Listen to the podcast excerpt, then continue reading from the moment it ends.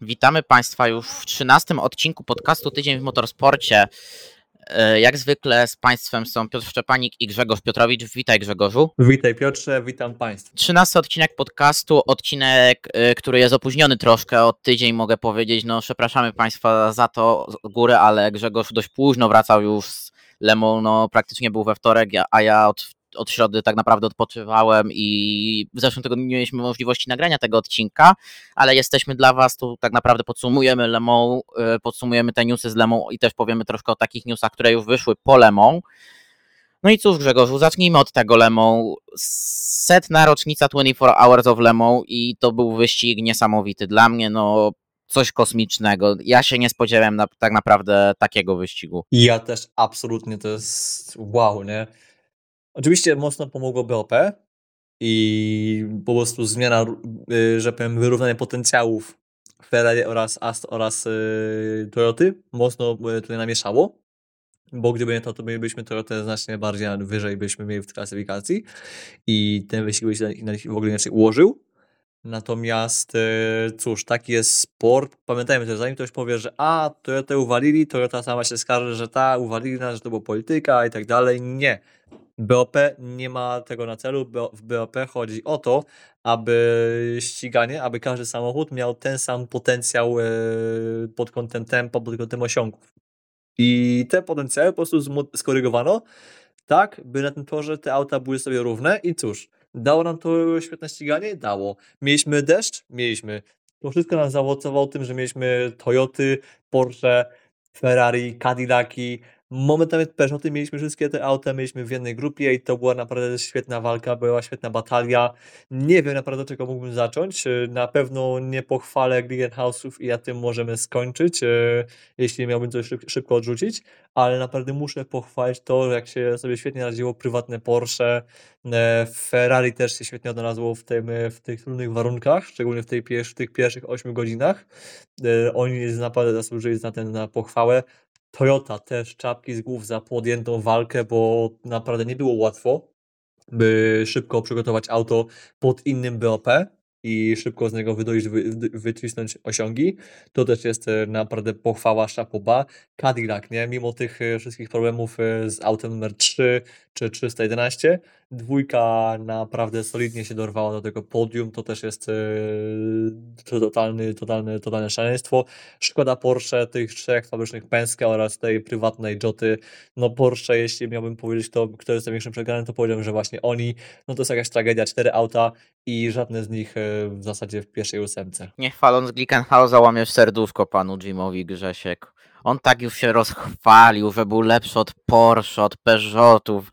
Moje, jak wszedłem na LinkedIna, bo rzadko wchodzę na ten portal, nie oszukujmy się, głównie sprawdzam to, co mi na mailu wysyłają, ale wchodzę na LinkedIna tuż po Lemą, wchodzę na stronę główną, akurat obserwuję Glickenhausa. Pierwsze, co jest, Glickenhaus pokonuje fabryczne Porsche i Peugeoty no niesamowite to jest jak marketing ma Jim Glickenhaus, a Jimowi no po prostu mogę jedynie oddać to, że ten Glickenhaus jest niezawodny, no bo można było zrobić to, co zrobili austriaccy koledzy z Bajkolesa. Tak, znaczy łamie mu serduszko, a z kolei Jim, Jimowi, jego kierowcy połamali kilka frontów właściwie. Mm, to było kuriozalne i naprawdę trafiłem w dobrym momencie, jeśli chodzi o przejście się tak no, w nocy by poobserwować samochody, by poobserwować padok, co się dzieje w nocy w ciągu wyścigu, bo między jedną kawą a drugą kawą, a próbą niezaśnięcia idę na padok, patrzę, widzę Glickenhaus skleja przód e, z dwóch elementów, e, które już były rozwalone. Przypomnijmy w Glickenhausie, jako że cały przód jest jednym elementem, to ta modułowość jest kiepska i to sklejenie przodu z innych elementów jest bardzo trudne i naprawdę szapoba, że mechanikom to się udało ale naprawdę faktycznie Glickenhaus y, połamał nie tylko swoje serduszko, ale też y, wszystkie przody, wszystkie tyły, szczególnie w zakręcie Indianapolis, gdzie się dwóch kierowców jego obróciło y, rano. To było coś w ogóle też śmiesznego. Odnośnie Kolesa, to tak, znów, że powiem, statystyka została podtrzymana i Koles znów nie kończy wyścigu i to też w takim doborowym składzie, ponieważ zamiast Rzeka Wilnewa był w samochodzie był Tristan Vautier, E, już teraz możemy powiedzieć, że z zespołem po tym wyścigu rozstał się Tom Dillman i dołączy do niego e, któż taki? Dołączy João Paulo de Oliveira, czyli mi, mistrz Superformuli z roku 2010 i dwukrotny mistrz klasy, klasy GT300 w Super GT. To są, to są obie japońskie serie. Superformula pewnie bardziej znana wam, e, Super GT mniej, ale no tylko powiem tak szybko, że Super GT to jest ta seria, w której nadal jeżdżą auta Class 1. Tak, i właśnie, że Paulo de, Oliveira dołączył ten do, do Wultiera oraz do Guerrieriego, ale mogę od razu zdradzić, że, że, że rotacja wśród kierowców zespole to jest najmniejszy problem w kolesie, bo wiem, że szykuje się no troszkę odejść z zespołu i to bardziej na życzenie samych mechaników czy inżynierów. e, Sporo takich młodszych osób, które są w tym zespole, może odejść i podobno ma niedługo zostać tam większość osób z załogi, która jeszcze no, jest już w ekipie dobrą dekadę. Więc ci młodsi tam powoli chyba tracą wiarę i chyba słusznie, bo po początkowych takich zachwytach, że koles się mieści w okienku osiągów aerodynamicznych, że koles jest niezawodny, okazuje się nagle, że jednak koles jest tym, czym był zawsze, czyli jest po prostu kupą wiadomo czego.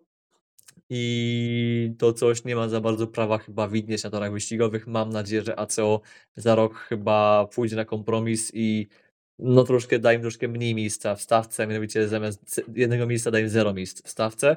Na to, na to jak najbardziej liczę. Jeśli miałem coś jeszcze w klasie Hyper, Hypercar tak ogólnie podsumować, to żal mi właśnie tego dzwona Jacka Aitkena.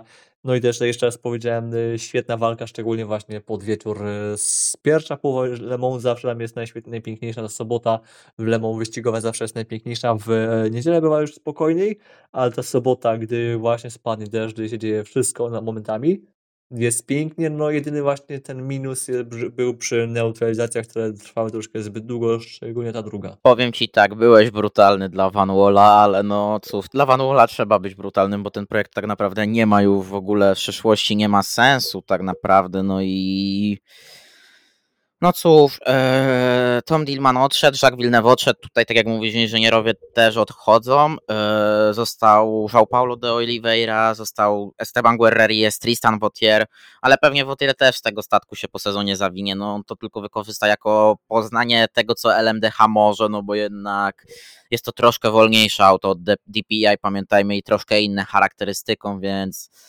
pozna pewnie, co to jest Hypercar i w przyszłym sezonie zobaczymy go gdzieś indziej. e, Natomiast e, jeszcze tak tylko kończąc ten wątek klasy Hypercar, o którym mówimy, no bo tutaj e, ja się wypowiem też. Dla mnie naprawdę bardzo dobra postawa Ferrari 51, prawie bezbłędny wyścig. No okej, był tam jeden błąd w nocy bodaj Pierguidiego, ale poza tym oni pojechali bezproblemowo wyścig. Toyota numer 8 też bardzo dobry wyścig. Cadillac numer 2 wow, to był naprawdę performance wywalczony, wywalczone podium, wywalczone tempem i tym, co mogli działać. Cadillac numer 3 kole- też bardzo dobra jazda. Później mieliśmy chyba Porsche na piątym miejscu, no to czy Peugeot Nie, tam nie, był? nie, nie, nie, nie.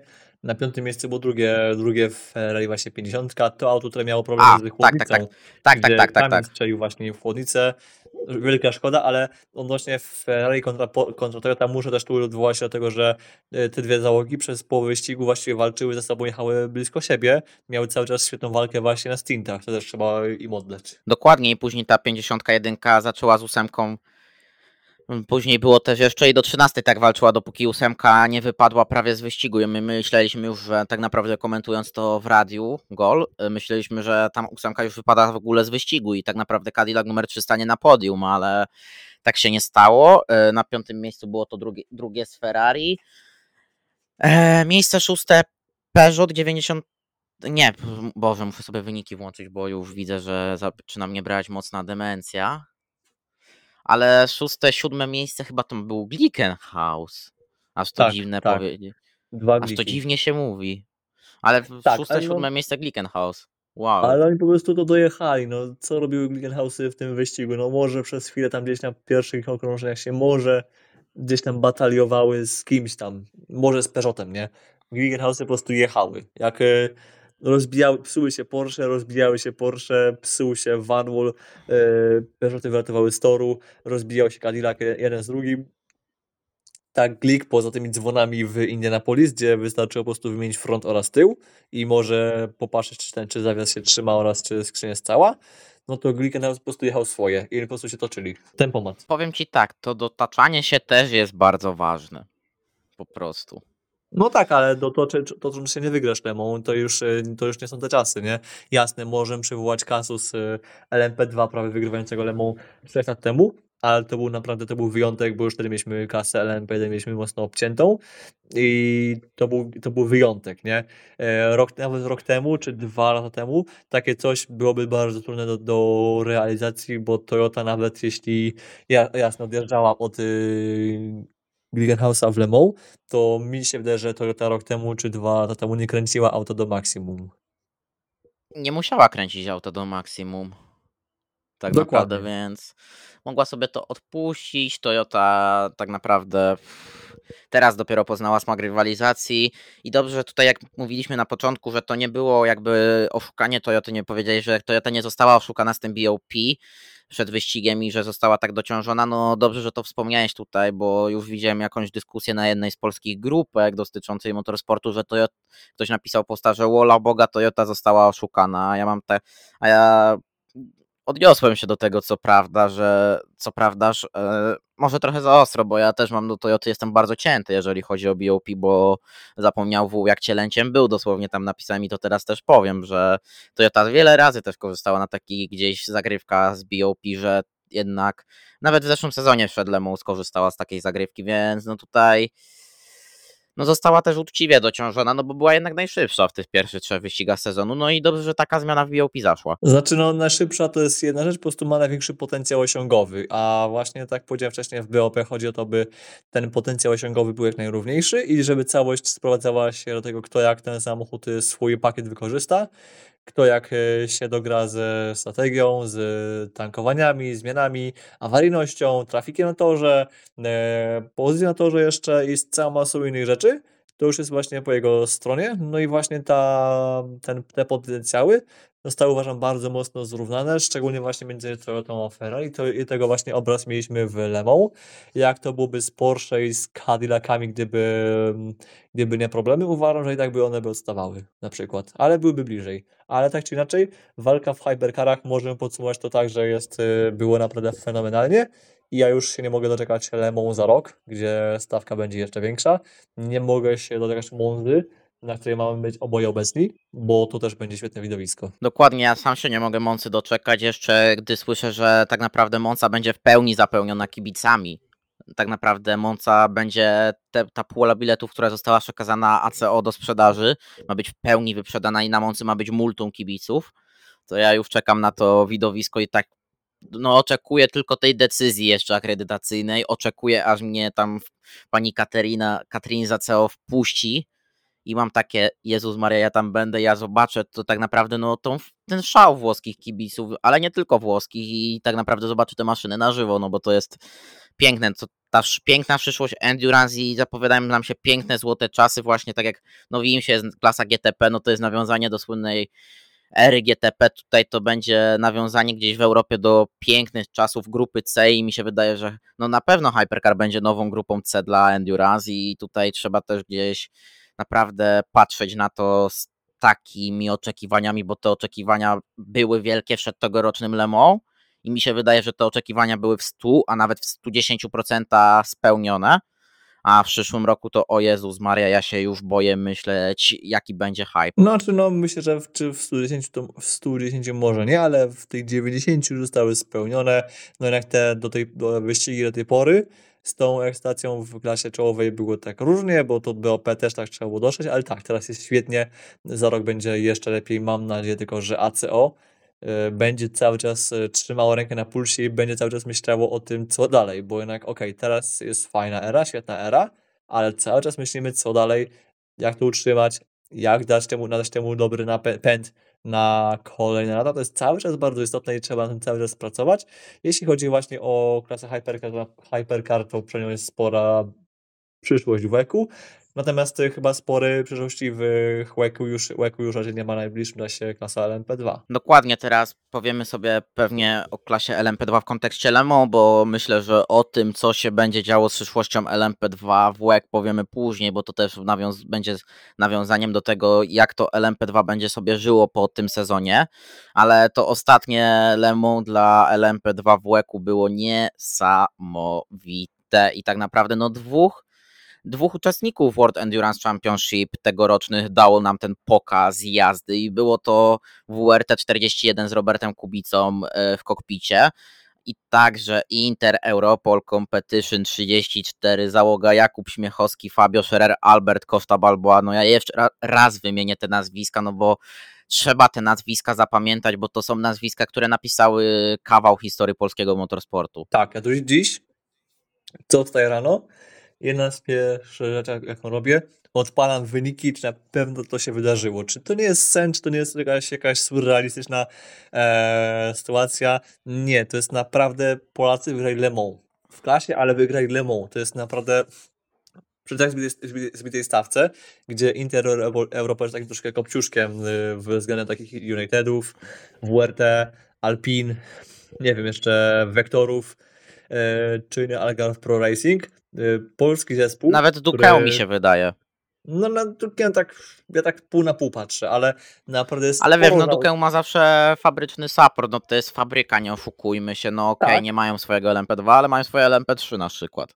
Tak, ale no koniec końców jest i tak jest cała masa ekip, jak to wyróżniliśmy, cała masa ekip, która jest powiedzmy to lepiej dysponowana od nich. Ma lepsze zasoby, ma więcej pieniędzy, ma więcej możliwości, ma bardzo porównywalny skład kierowców i ma naprawdę całą masę innych argumentów, które mogłyby powiedzieć, że ok, Inter Europol fajne, ale nie dla was wygrana. A tu okazuje się bang, wygrana w Le Mans. To jest naprawdę coś, coś wyjątkowego. Um, jasno, już, te, już treningach było pokazywane, że zespół był świetny, kwalifikacje były trudne, bo był trafik, bo były czerwone flagi i trudno było złożyć dobre okrążenie. Plus jeszcze zespół koncentrował się bardziej na tym, by te opony trzymały w dłuższym dystansie, co nie pomaga ich e, dobremu rozgraniu na kwalifikacje i przez to było, nie było Hyperball. Nie było udziału w Hyperball, natomiast y, potem wszystko, całe wszystko to się działo w wyścigu, prawie wszystko, no bo start był kiepski, bo, bo e, 34 po starcie spadło na koniec stawki, plus jeszcze przy tym safety carze, przy planowanym postoju, no jeszcze doszło do bardzo nieszczęśliwej sytuacji, w której Corvette chyba przejechała Fabio Schererowi po stopie i no, well, tamtym momencie yy, byliśmy właśnie na antenie w Radio Gol. Oboje, my z Piotrem jeszcze z naszymi gośćmi, myśleliśmy, że to by było na tyle. Dziękujemy, widzimy się za rok. E, Interopol w tym momencie się żegna z rywalizacją, a tu proszę bardzo, nie, to jest po prostu fenomenalna historia. E, pokuszę się o klasyka. Amerykanie kochają takie historie, bo naprawdę historia zespołu, e, który no jest mówić, powiedziałem, kopciuszkiem, jest y, mniej dysponowany, plus miał sporo pecha po drodze, nawet w tym sezonie, czy właśnie w Le Mans. Wygrywa nawet nagle wyścig po równej walce z WRT, a więc z potęgą zespołem, który za rok będzie w hypercarach.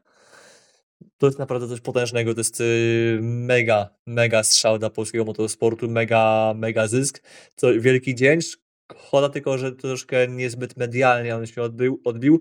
Widzieliśmy też wszyscy te statystyki, ile było wzmianek, różnych, w różnych mediach, o ile media pisane właśnie, o których piszemy my z Piotrem dla różnych e, serwisów, tam było naprawdę potężnie, ale to są media branżowe i to było zrozumiałe, że u nas będzie pisało się do, dużo, szczególnie właśnie dla serwisów, o których e, piszemy my z Piotrem, bo nasze serwisy jak najbardziej się koncentrują, najwięcej uwagi poświęcają Polakom oraz też ogólnie endurance'om, tym dwóm działkom motorsportu. E, tak, niestety telewizje, radia, gazety, to było bardzo smutne. Szkoda właśnie, że tak wielki sukces. Został troszkę jednak e, no, kiepsko odtrąbiony. Nawet tego Kubicy nie za bardzo e, e, nie za bardzo go, że powiem, zmieniali, a Kubica uważam też i WRT wraz z Deletrazem oraz Andrade też zasłużyli za, na mega pochwałę, bo naprawdę obydwie załogi były świetne i dla polskiego motorsportu to jest wielki dzień. Proszę zapamiętać 11 czerwca 2023 roku. Ten dzień uważam, że jest jeden z tych dni, który w polskim motorsporcie należy po prostu wyryć yy, szerokimi zgłoskami. Wyryć szerokimi zgłoskami i postawić pomniki na każdym większym torze, czy to Słomczyn, Słomczyn, Silesia Ring, Kielce, Poznań, wszędzie tak naprawdę. A już nie tak troszkę ten kącik... O, nie zapominaj o Turomie Pomorze oraz o torze Krzywa, nie? Oraz o Limanowej. Nie, nie zapominam, nie zapominam tutaj. E, wspominam, wspo, to tutaj dodam te tory od ciebie, ale już odkładając ten kącik humorystyczny na bok, no bo tutaj e, humor humorem, ale tak naprawdę już poważnie podchodząc do tego, no to tak jak mówisz, no tutaj myślę, my myśleliśmy, że to koniec już jest jazdy dla Intereuropolu, dla Fabio Scherrera, a Fabio Scherer podnosi się jak Feniks z popiołu i tak naprawdę robi kawał, kawał genialnej roboty, dowozi to auto, bo to on kończył tę wyścig, no co jest takie, mi się wydaje znamienne, że tak naprawdę ten Feniks z popiołów kończy ten wyścig, wysiada z tego auta, no wyskakuje, bo wysiada, no pamiętajmy, że Fabio miał tą stopę tak uszkodzoną, że on doskakiwał na jednej nodze do auta, on wyskakuje z tego auta i on po prostu płacze, no bo płacze ze szczęścia, i ten sukces się rozniósł. Nie tylko Amerykanie kochają takie historie, bo nawet dzisiaj widziałem na Instagramie Fabio Scherera, że został zaproszony przez szwajcarski rząd w Bernie. Do Berna został zaproszony, został ugoszczony, o czym pisała między innymi największa szwajcarska gazeta Blik, jedna z największych, więc można powiedzieć, że w Szwajcarii ten sukces też się odniósł jakimś, rozniósł jakimś echem. W Polsce niestety nie rozniósł się takim echem, jak myślałem, że się rozniesie, no bo jednak szkoda, że to nie było jakoś tak w telewizji szeroko komentowane, no oglądałem właśnie wiadomości sportowe tego dnia 11 czerwca i na przykład futbol amerykański miał mieście, miejsce w wiadomościach sportowych, a nie miał sukces naszych. No jedynie tak naprawdę TVP wspominało coś o tym sukcesie, przepraszam, TVN wspominał coś o tym sukcesie, a reszta telewizji gdzieś to go przemilczała, y, radia też go przemilczały, no jedynie przegląd sportowy coś napisał, Aldona Marciniak, tak to gazety też w miarę przemilczały, więc no jedynie te nasze media ratowały to wszystko. No ale też pamiętajmy, że jak Aldona Marciniak, czy Cezary Gutowski, czy Iwona Hołot, czy ja, no to są osoby, które po prostu były na torze i też no siłą rzeczy no relacjonujemy to, więc y, byłoby kiepsko, gdyby osoba, która jest na torze nie, nie by nie napisała nic o tym. No właśnie mega mnie to boli, że właśnie nawet, nie wiem, Kuba czy Wojciech Śmiechowski nie dostali, nie wiem, jakiegoś zaproszenia do jakiejś śniadaniówki. Mija już tydzień od tego wyścigu i nadal nie było żadnego występu w śniadaniówce. Jasne, Kuba nie jest może fanem mediów i on jakby nie za bardzo może lubi rozmawiać z mediami i to jest jak najbardziej zrozumiałe, ale na pewno gdyby dostał zaproszenie, to on wie, jak to, jak to jest bardzo ważne dla promocji zespołu, szczególnie, że zespół e, szuka funduszy pod kątem e, pewnych projektów, e, które mogą się pojawić na horyzoncie w najbliższym roku, dwóch. I wtedy każdy, każde 2,9 miliona euro jest przydatne, znaczy dolarów, jest bardzo przydatne, a już nawet każdy cent jest przydatny. Nie, nic, nie, spokojnie. Ja wcale nic, ja nic nie wiem, ja nic nie mam, absolutnie nie mam, nie mam, nie mam pojęcia o, o czego się dzieje. E, ale nie, tak, no bo wiesz, no bo dałeś taką bardzo sugestywną kwotę. No, no coś tam jest na, na, na rzeczy, bardzo wstępnie, ale jest. Ale nie będziemy zapeszać. Tak, nie będziemy zapeszać. Po prostu, ale w każdym razie tak. Dla zespołu, nawet jeśli nie planuje startów w GTP czy w Hypercarach z prywatnym LMDH, to i tak, i tak te pieniądze są ważne, bo potem można te pieniądze dać na, nie, na rozwój programu w LMP3, a lepsze wyniki w LMP3 to są kolejne pieniądze, kolejne ekwiwalenty finansowe i cała ta machina się nakręca, więc właśnie występ nawet w DDTVN czy w PNS-u jakimś to wszystko właśnie byłoby dla nich ważne, a tymczasem pff, nic. Kubica też nie dostał występu, a przecież Kubica uważam, że medialnie jakby ma najprostszą ścieżkę ku temu, bo jakby jest, no, ma, sobie są koneksje między sponsorem a inną korporacją są bardzo, bardzo oczywiste co jest po prostu takie życie, a on też nie dostał takiej możliwości, to, takie, to jest takie bardzo dziwne. E, tak, że właśnie nasz, nasze media, nasza branża bardzo mocno to uratowała, no bo po prostu, no bo jak nie my, to kto? Tak to możemy powiedzieć. Mi to właśnie z tego powodu jest troszkę przykro. Jeszcze bardziej przykro mi jest z tego powodu, że e, w trakcie wyścigu ktoś stworzył bardzo niefajnego fejka, rzekomo właśnie, że według którego jakiś polski dziennikarz miał na ten na, naskarżyć na zespół Inter Europol Competition, y, który miał potem być e, rozpatrywany pod kątem prędkości w pit lane, w przedania pod safety carem i jeszcze jednej procedury przy pit stopie, za co zespół potem dostał w sumie jedną karę, mogło być tych kar więcej. E, takim bardzo dziwnym fejkiem udało się nam podzielić bardzo mocno Polaków, co mnie bardzo boli Szczególnie, że ten fake był bardzo łatwy do, do zweryfikowania, bo na przykład już teraz mogę powiedzieć i mogę to powiedzieć z pełnym potwierdzeniem, a już y, podczas y, wyścigu mogłem to nie, półoficjalnie potwierdzić, że byle kto, byle dziennikarz nie może sobie wejść do dyrekcji wyścigów i nie może poskarżyć się na zespół albo nie może dać jakichś tam dowodów, że a, tu mam dowód na to, że tutaj ten zespół zrobił to i to, weźcie im tam wlepcie karę. Nikt tak nie może, bo choćbyś nie jakiś miał dowód, to jeśli jesteś dziennikarzem czy, tam, czy, czy kimś, kto nie jest y, z zespołu rywala, no to ci problem z kwitkiem nawet cię nie wpuszczą do Race Direction. y, To nie jest takie proste, a niestety w tak banalny sposób. Dało się nabrać y, wielu kibiców. y, Niestety wiem też, że dało się nabrać parę osób z naszej branży, które bardzo po- podziwiam i mój podziw nie zmalał mimo tego. No ale po prostu poczułem się troszkę jednak zawiedziony tą sytuacją. E, nawet wiem, że niektóre osoby podejrzewały konkretne osoby, persony w, w tej sytuacji, co pomimo różnych moich sympatii lub też braków sympatii w stosunku do, niektórych osób, uważam, że było niesprawiedliwe i krzywdzące, więc no szkoda, że takim prostym fejkiem daliśmy się podzielić w obliczu sukcesu, który już do nas, nad- do nas nadchodził i troszkę ten sukces e, smakuje jednak no tak tak samo, prawie tak samo, ale jest taki, taka, tak, jest taki, taka, takie ziarenko dziegciu, taka, taka, taka mini łyżeczka dziegciu, która po prostu nas, nas troszkę lekko podzieliła. Już nawet nie wspomnę o tym, co zrobił jeden z mediów e, amerykańskich, które troszkę też namieszały nam e, medialnie pod kątem e, prostych po prostu procedur, procedur badania samochodu. W dużym skrócie wyjaśnię, że po prostu jedno z, jedno z mediów troszkę, nie, troszkę się pospieszyło z wypuszczeniem jakiegoś breaking newsa, że rzekomo Europol Competition y, jest tam mocno przetrzepywany pod kątem szukania jakichś tam nielegalnych części w aucie, podczas gdy po prostu auto, że powiem, rozebrano w ramach procedur i wysłano po prostu parę elementów do podwykonawców samochodu, y, które, robi, które po prostu robi auto do LMP2, by po prostu przebadać pewne rzeczy, to jest jak najbardziej procedurą standardową, więc boli, boli mi to, że właśnie, że paroma takimi clickbaitami daliśmy się troszkę lekko no, podjudzić. Tak zaczynając od początku, no bo tutaj mówisz o, gdzieś o tym sukcesie i to, że te med- media przemilczały go. No ja- okej, ja rozumiem, że Kuba Śmiechowski nie jest medialną osobą, ale pan Wojtek wydaje się dość medialną osobą, patrząc na te rozmowy, z, czy to z panem Grzegorzem Gacem, czy to z panem Andrzejem Mielczarkiem. Wszystkich panów tutaj oczywiście pozdrawiam, pozdrawiamy, których wymieniłem. No i tutaj no taki, żeby tak opowiedział pan Wojtek o tym, jak ten zespół szedł od początku, od roku 2010, od, tej, od przejęcia tej operacji od Maurycego Kochańskiego, od tego jak ten zespół był, że on najpierw zaczynał w formułach Renault tych 2.0, tych północ, pucharach północnych, później był było Boss Grand Prix, później było te pierwsze kroki w Endurance European Le Mans Series LMP3, później przeprowadzka do Azji, LMP3, LMP2, czy to w Azji, czy to w Europie, no ten pierwszy wyścig w WEC-u, który pamiętamy, to było to SPA 2021 i genialne piąte miejsce, no żeby też tak przybliżyć po prostu to widzom, no bo okej, był reportaż jeden w TVN24 szedł Le Mans, bo był e, w faktach po południu, ale to trochę mało jednak, no nie oszukujmy się, że człowiek by obejrzał taki pełen, pełnometrażowy reportaż, bo pamiętam, że to już dawno temu, naprawdę, no to będzie z półtora roku temu też prowadziłem taką dyskusję na ten temat, że czemu tak dziennikarze promują ten Inter Europol, czemu to jest takie promowanie uporczywe z naszej strony? Ano z tego powodu, że tej promocji gdzieś nie ma i myślę, że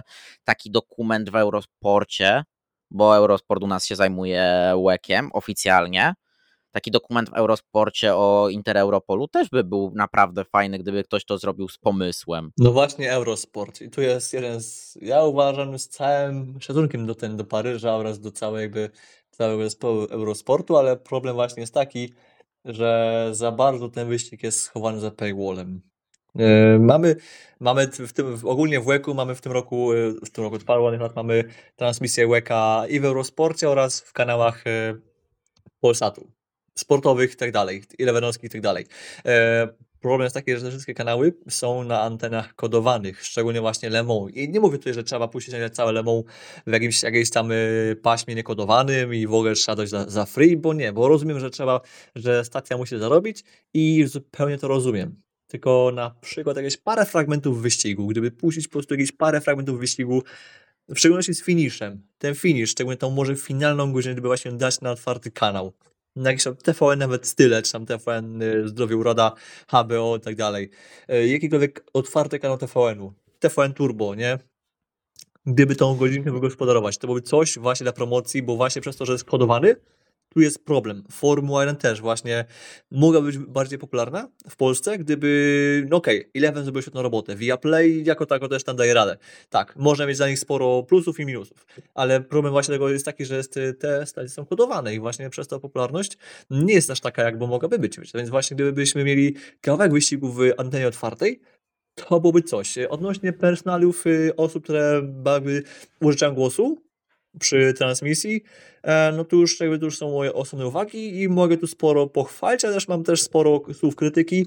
Nie boję się tego powiedzieć, e, że są pewne rzeczy, które po prostu osobiście bym zmienił, ale to jest też kwestia subiektywna. Dokładnie, to jest kwestia subiektywna. Ja też nie będę się wypowiadał na ten temat, ale no tak jak mówisz, no pasma otwarte, Eurosport Polski ma tych pasm otwartych trochę, no bo pamiętajmy, że Eurosport jest wielką, jest jedną z wiel części wielkiego koncernu Warner, Warner Bros. Discovery, który który skład wchodzi, wchodzi HBO, wchodzi właśnie Discovery, wchodzi Eurosport, wchodzą tyle stacji, no i wchodzi w tym polski TVN, a TVN ma, e, żeby się nie pomylić, e, no Discovery ma cztery stacje naziemnej telewizji cyfrowej obecnie, no bo są, nie będę już też ich wymieniał, ale no Eurosport na przykład praktykuje takie ma takie praktyki, że czy, na przykład czy to biegi narciarskie, czy piłka ręczna są pokazywane za darmo w kanale Metro, który jest dostępny w naziemnej telewizji cyfrowej. No na przykład żużel, polskie rundy żużla są pokazywane w TTV, więc why not puścić właśnie tak jak mówisz dwie godziny finiszu na przykład Lemą w TTV? No bo to tak naprawdę można zrobić też troszkę z kanału zwyk takiego ogólnosportowego, ogólnodostępnego i ogólnotematycznego. Trochę kanał sportowy, no na przykład finał Rolanda Garrosa został puszczony w TVN, no to czemu nie puścić też tego finiszu tej ostatniej godziny Lemą w TVN, no bo jednak jest sukces polskiego zespołu, a resztę tego Lemą nawet, nawet część trochę te, tego nocnego wyścigu, tej nocy, puścić na przykład w innym kanale, no żeby też promować ten motorsport. Dokładnie, no właśnie takie parę fragmentów byłoby czymś naprawdę bardzo dobrym. W dłuższej perspektywie na pewno by ktoś się zainteresował, by obejrzał albo właśnie kupiłby specjalnie e, subskrypcję w playerze, bo zobaczył, ok, bardzo fajne, chętnie zobaczę Le Mans i potem zobaczę może Monzę, nie? Albo jeszcze może potem wrócę na, na Bahrain. Ktoś może by poczytał właśnie częściej jakąś relację tekstową, na przykład moją czy z innych redakcji. Ktoś może by chętnie jeszcze posłuchał naszej relacji właśnie z Radia Gol, gdzie też e, wykonaliśmy połowę wyścigu, prawie połowę wyścigu całego w Le Mans i to też było coś, coś potężnego i właśnie gdyby takie rzeczy, takie drobne zabiegi właśnie był Eurosport, gdyby był w stanie wygospodarować trochę ramówki, dla, ten, dla, dla właśnie tak, tego typu rzeczy, naprawdę łek w Polsce by sporo zyskało, bo tak, mamy największego, tego naj, najlepszego kierowcę, te, tego kierowcę, który był w F1, Kubice. E, jest jednym z najbardziej rozpoznawanych nazwisk w motorsporcie na świecie, przynajmniej tym samochodowym. A i tak, i tak ta popularność jest, y, ma się nijak w stosunku do MotoGP, do F1. Właśnie MotoGP to jest też świetny case, bo mieliśmy ją, y, mieliśmy je przez lata na antenie otwartej Polsatu Sport, teraz mamy ją głównie na antenach premium, ale cały czas jest za darmo w internecie na przykład. To jest też dobry pomysł. Właśnie rozumiem, że są kwestie licencyjne, ale ACO też na przykład powinno właśnie promować e, wśród swoich nadawców ci, którzy mają prawo do Le Mans, do WECA, żeby właśnie inne rundy też były właśnie, właśnie może gdzieś tam łatwiej dostępne. W Polsce o tyle łatwiej jest to, że właśnie, że mamy Polsat Sport na przykład i że jest parę innych anten, które też nam y, sportowych Polsatu też ułatwiają nam śledzenie tego wszystkiego właśnie w miarę za darmo. Ale jednak Le Mans to Le Mans, to jest ta najważniejsza runda i tam jednak musi coś się delikatnie zmienić Cóż, mam nadzieję, że będzie za rok będzie lepiej. E, pocieszające jest to, że chyba Inter Europol na, na przyszły rok ma jak najbardziej już gwarancję zaproszenia do startu, więc e, nieważne w jakim składzie, to i tak, i tak zobaczymy za rok e, żółto-zielone auto na starcie i to nas najbardziej cieszy, to jest najważniejsze. Polski zespół wygrał w Le Mans, to jest e, rzecz, którą nadmiernie, nad, e, tfu, nadrzędnie należy celebrować. Dokładnie, nadrzędnie to celebrujemy, bo uważamy, że jest to wielki sukces. No tutaj jeszcze tak tylko się odnosząc szybko, UEKA chyba produkuje Discovery Sports Events, jak się nie mylę, więc tu jest ten pies pogrzebany, że Eurosport musi mieć te prawa do UEKA, no bo jednak to produkuje Discovery ale no tak jak na przykład są serie typowo już ACO, czyli Asian Lemon Series, European Lemon Series, Michelin Lemon Cup, tam już jest produkcja w pełni dla ACO, no i tam na przykład u nas na Elmsa miał prawa Sport Club i chyba nadal ma, ale to jest tak naprawdę takie trochę prawa widmo, bo ten sport klub jest, na przykład ja, do nie, ja go nie mam u siebie w playu i ten sport klub jest tak naprawdę mało popularny, a tam też dość dobra obsada komentowała te wyścigi. Tak, mieliśmy Mika Fełowskiego, czy Grzegorza Gasta, mieliśmy parę bardzo fajnych nazwisk, naprawdę to też się całkiem dobrze oglądało. No oczywiście jeszcze jest transmisja w internecie, więc też, e, też jest bardzo fajna alternatywa, bo też jest za darmo, bez reklam. Gorzej było, jak mieliśmy dwa lata temu troszkę chryje w komentarzach na tych live'ach, na tych live'ach z wyścigu, ale to już yy, przemilczmy. Ja nie oglądałem z czatem, więc powiem Ci, że człowiek nie widział tego totalnie, bo ja nie oglądam z czatem takich rzeczy, w ogóle takich transmisji na YouTubie, ale no to już tak tak naprawdę kończąc ten temat typowo Lemon Lemon, no to klasa GTE AM podsumuje ją takim zdaniem, że klasa GTE AM to jest taka, taka zabawa, w której wszyscy się naparzają, a na końcu i tak wygrywa Ben Keating oraz Corvette. Tak, no nawet mimo awarii, bo tam był problem z którymś z sprężyn w samochodzie, to i tak tak Corvette wygrało. E, ja cały czas y, mówiłem Corvette ma prędkość, tylko czy będą mieli zawodność. Na, natomiast y, Iron Dames, któremu wszyscy kibicowali i jeszcze ono na, gdzieś tam na te chyba 6 godzin przed metą było w dobrej pozycji do zwycięstwa. Iron Dames, y, ja nie, nie powiem, że są jakimiś tam przegranymi tego wyścigu, bo oni nigdy by tego wyścigu nie wygrali, bo mieli, bo był jeszcze ORT by TF Sport, bo były GR Racing i Iron Dames trzymało się świetnie dlatego, że po prostu byli bezproblemowi, nie było problem właśnie u pań, e, tempo było jakie było, ale właśnie była ta, było to omijanie kłopotów i to im e, dało tą pozycję, a nie inną i uważam, że wobec tego i tak i tak e, Iron Dames może być w miarę z siebie dumne. Ja jeszcze tylko zwrócę uwagę na to, że z 21 aut w stawce wyścig kończyło 9 aut w GTA. To był jakiś pogrom, naprawdę. Te, szczególnie ta pierwsza połowa wyścigu, właśnie w klasie GTA to był jakiś po prostu totalny pogrom, bo mieliśmy właśnie wylot TF Sporta, GMW, który tam jeszcze zabrał ze sobą, ze sobą Toyotę, wyleciały trzy protony, yy, tak, trzy protony Racing nam wleciały, więc yy, trzy auta Porsche, tak, tak, tak. Więc naprawdę jakiś pogrom istny. Castle Racing to jest też inna sprawa, bo oni też tak ledwo dojechali z tym jednym, z jednym z, jednym z aut. Naprawdę to jest, był jakiś pogrom. No a Corvette wygrane właśnie w składzie Keating, Kabsburg, Varone. No ja się naprawdę mega cieszę. Też jeszcze zdradzę, że naprawdę Nicky Varone to jest naprawdę, naprawdę świetny gość.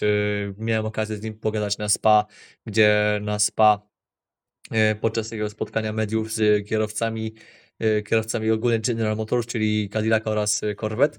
Nikt nie chciał z, właściwie z nim gadać, tylko ja zagadałem i to chyba zaprotentował, bo nikt mnie nawet rozpoznał w sumie jak ten. Byliśmy pod podium, oni szli właśnie, byli szli specjalną kolejką, a gdzieś tam do mnie podszedł, pomachał mi i zbiliśmy pionę szybko jeszcze przed jego podium. Potem w zagrodzie dla dziennikarzy też byliśmy pionę.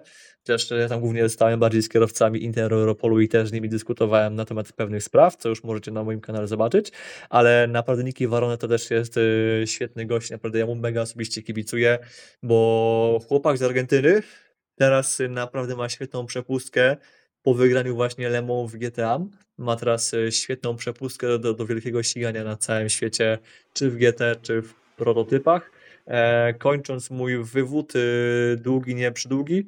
E, cóż, chyba GTA było z tego wszystkiego takie chyba, nie wiem, najbardziej chaotyczne, ale nie, nie najbardziej w tym dobrym sensie, tak bym to powiedział. Takie było ciekawe to GTA, ale no tak jak powiedziałeś, był ten pogrom i tak naprawdę no w pewnym momencie zaczął nam się taniec w deszczu. To był tak zwany taniec tań, no jezioro Łabędzie, tylko że z wielkimi autami, bo nawet wysyłałem ci taki filmik, gdzie fani sobie trochę za, przyśmieszkowali z tego, jak zaczął ten deszcz nagle mocno padać i te auta zaczęły tak tańczyć jak jak baletnice, ale no tak naprawdę, no masz rację, no G...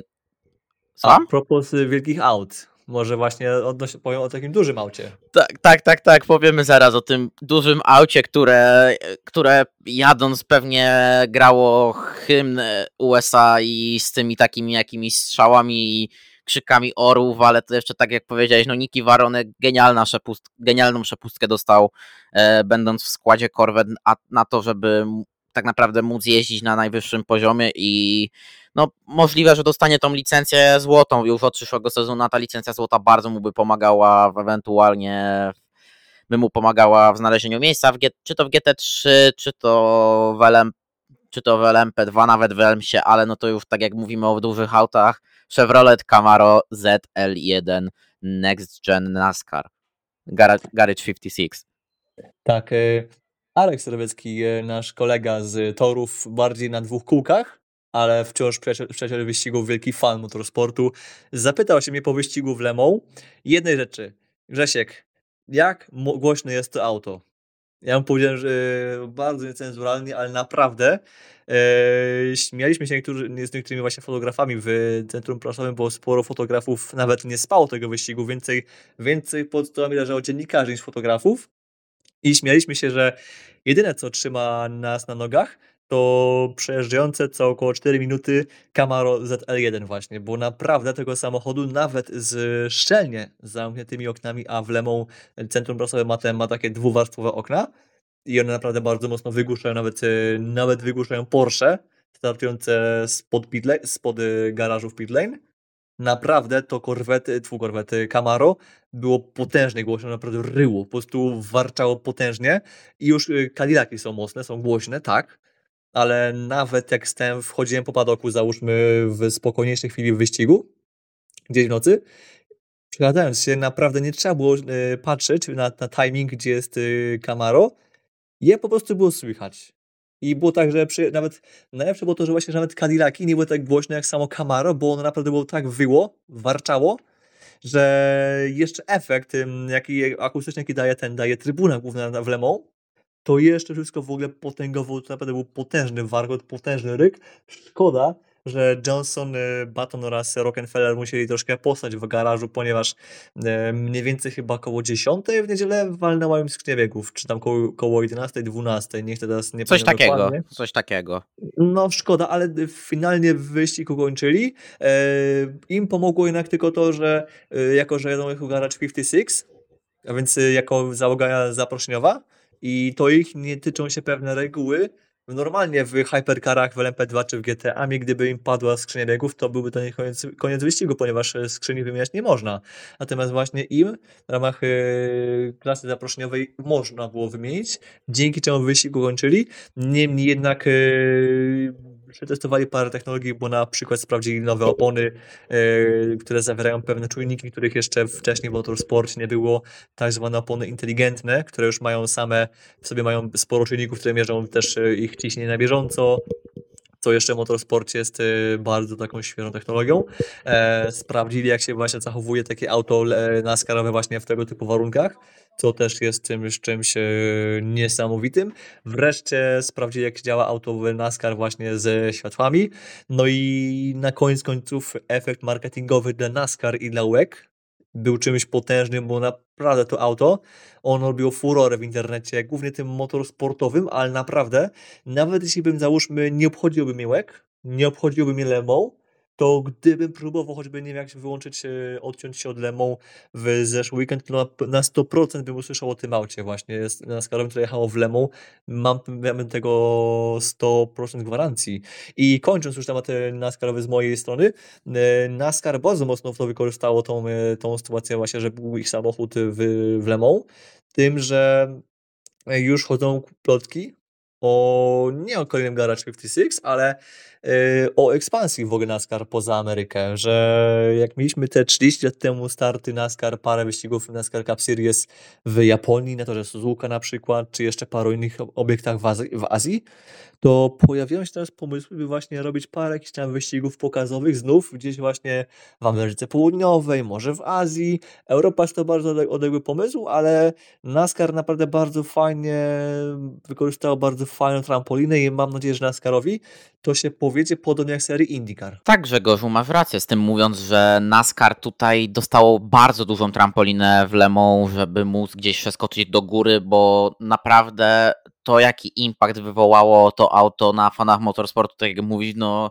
głównie memy z Camaro ZL1, że Big Camaro, gdzieś nawiązania do BMW M8 GT i takie tutaj przepraszam, że mówię, może to wypikam, what the fuck is a kilometer of America, fuck yeah i takie memy, no i te hymny amerykańskie po, podkładane pod to auto, etc., etc., ale naprawdę Camaro miało impact duży i te memy nawet pokazują, że fanowie to auto po prostu polubili i NASCAR dostało trampoliny, no później też ogłoszenie, że Kamui Kobayashi pojedzie w wybranych rundach NASCAR Cup Series z zespołem Michaela Jordana e, w tej Toyocie Camry NASCARowej, no to jest kolejny taki znak, że gdzieś to, chce wychodzić poza Amerykę Północną i gdzieś tak jak mówisz, czy to Azja, czy to Ameryka Południowa są kierunkami dla NASCAR. Tak, no dla mnie jako fana tej serii to jest coś świetnego. Jeszcze do tego widzimy, że IndyCar przymierza się do powrotu za, na do południowej Ameryki, bo jest rozważany start, wyścig taki pokazowy bardziej, więc y, nie liczony do punktacji mistrzostw IndyCar w Argentynie, to że em, Termas de Rio Hondo. Dla mnie brzmi to świetnie w kontekście tego właśnie, jak te dwie serie e, potrzebują, uważam, jednak e, kibiców spoza USA, bo jasne, one mogłyby żyć sobie zupełnie w swoim świecie bez, bez nas, bez, bez Europejczyków, bez Azjatów i tak dalej, ale uważam, że w, jeśli są kibice z całego świata się tym czymś interesują, to jest tyle dla tej serii lepiej, dla jej popularności, dla pieniędzy, jakie ta- tam się pojawiają. Dla mnie super, ja temu projektowi kibicuję. Ja bym dla mnie Camaro mogłoby jechać naprawdę w każdym wyścigu. Nawet mogliby mieć, e, wiesz, mogliby stać pod namiotem, mogliby mieć nawet dodatkowy garaż, byle po prostu jechali, bo naprawdę ten to auto jest e, ewenementem i to naprawdę to jest jakby to jest tym jak grasz, nie wiem, w Factora, Assetto Corse i tego typu gry bardziej symulatorowe, to czasem cię z nudów napada jakaś taka myśl, a może pojechałbym tym i tym i dałbym jako boty jakieś auta z innej kategorii. Co, co, się, co się może stać, nie?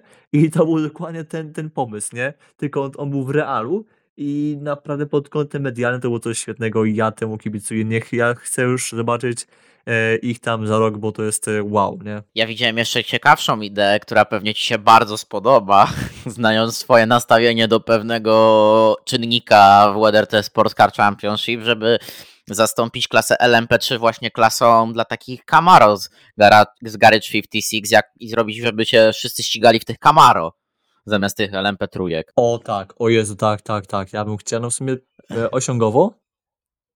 To jest osiągowo w sumie LMP3. Camaro, no w sumie osiągowo Camaro jest szybsze od LMP3 nawet. E, Podobnie Jeśli tam było na sarcie. No to Było bardzo podobnie. No dobra, no to podobnie. To naprawdę dla mnie byłoby świetnie, bo też auto, które jest bardzo trudne w prowadzeniu, bo okej, ono miało dobry VMAX i VMAXem prędkością maksymalną dobrze się broniło. Bo jeśli masz VMAX, to trudno jest przejść choćby nie wiem co. I to już, y, już to było tylko wiele razy. Natomiast y, to, jakie ono było trudne na hamowaniu, to jak ono walczyło z trakcją, szczególnie w tej części deszczowej, gdzie właśnie w deszczu ono przegrywało jednak z autami GTA, e, no pokazuje, że naprawdę tam jest, e, trzeba sporo siły oraz e, wytrzymałości w to włożyć i gdyby właśnie dać e, taką klasę z tych e, złożoną z paru takich aut, to naprawdę mielibyśmy sporo zabawy, sporo świetnej walki. I właśnie to dowodzi temu, że nie potrzebujemy mega zaawansowanych aut pod kątem aerodynamiki, technologii. Nie. E, takie puchary właśnie jak NASCAR, jak jakieś tam serie typu Mazda Cup, e, sporo takich serii, gdzie auta są takie bardziej takie powiedzmy pierwotne, czy uproszczone, naprawdę pokazuje, że ściganie w tego typu samochodach jest y, wręcz królewskie. Pierwotne troszkę obraziłeś tutaj NASCAR, ale no wiem o co ci chodziło. Nie, nie. taka- Nie, NASCAR jest po prostu, NASCAR się mówi, zawsze, zawsze NASCAR jakby się wręcz tym chwali, że są, że te auta są pierwotne, prymitywne. Pry, pierwotne, prymitywne zresztą e, skrzynie sekwencyjne. Tam dalej, e, to jest dopiero nowość. e, Klatka bezpieczeństwa zamiast e, monokoku albo czegoś, co mamy w autach GT, czyli takiego pseudo-monokoku. Tam też nie znam, tam wszystko to jest, e, auto NASCARowe jest e, w pełni oparte o konstrukcję rurową, jest cała masa różnych uproszczeń, coś, co, gdyby tam się, gdyby postawić to auto obok auta drogowego, to naprawdę to technologicznie są lata 80. To jest, y, tam się NASCAR od lat 70, od, y, od, od swojego zarania dziejów, oni się naprawdę bardzo mało rozwinęli pod tym kątem i to oni się tym wręcz chwalą i to właśnie to właśnie takie uproszczenie y, daje im świetny racing, daje im świetną walkę i to jest naprawdę, dlatego też zachęcam właśnie do ten, do śledzenia NASCAR, bo naprawdę tam jest świetna walka.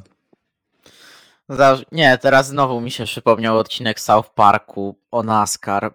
bo to jest właśnie, zawsze mi się kojarzy ten Eric Cartman mówiący, że NASCAR to seria dla biednych i głupich. No, przepraszam bardzo Państwa, ale no po prostu Też- South Park jest też. silniejszy ode mnie.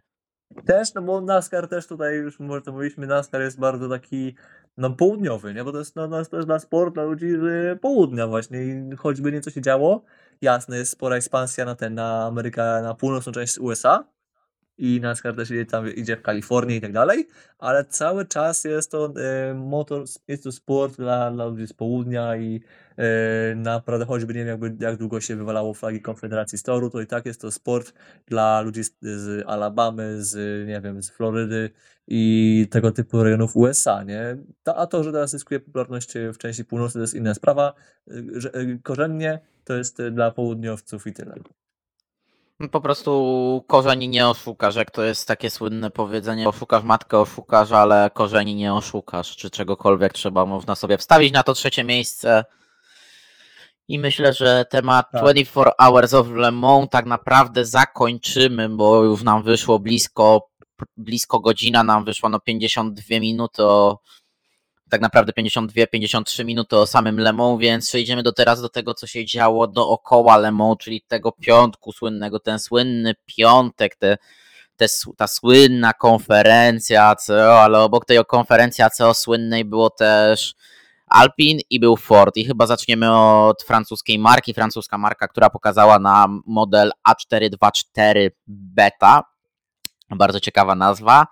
Oczywiście auto jest bardzo bliźniacze z Akurą ARX 06, no bo to jest, przypom- przypomnijmy, jeden producent podwozia, czyli Oreka. E, No i cóż jeszcze można powiedzieć? Silnik, silnik 3,4 V litra single turbo Mecha Chrome V6. Silnik owiany trochę złą słabą. Myślałem, że będzie coś z Nissana. Niestety Alpin nie poszalało z Nissanem, szczególnie, że, a że szczególnie program może być rebadżowany jako Nissan w Stanach, no to się dziwię temu, ale no to była decyzja Alpin.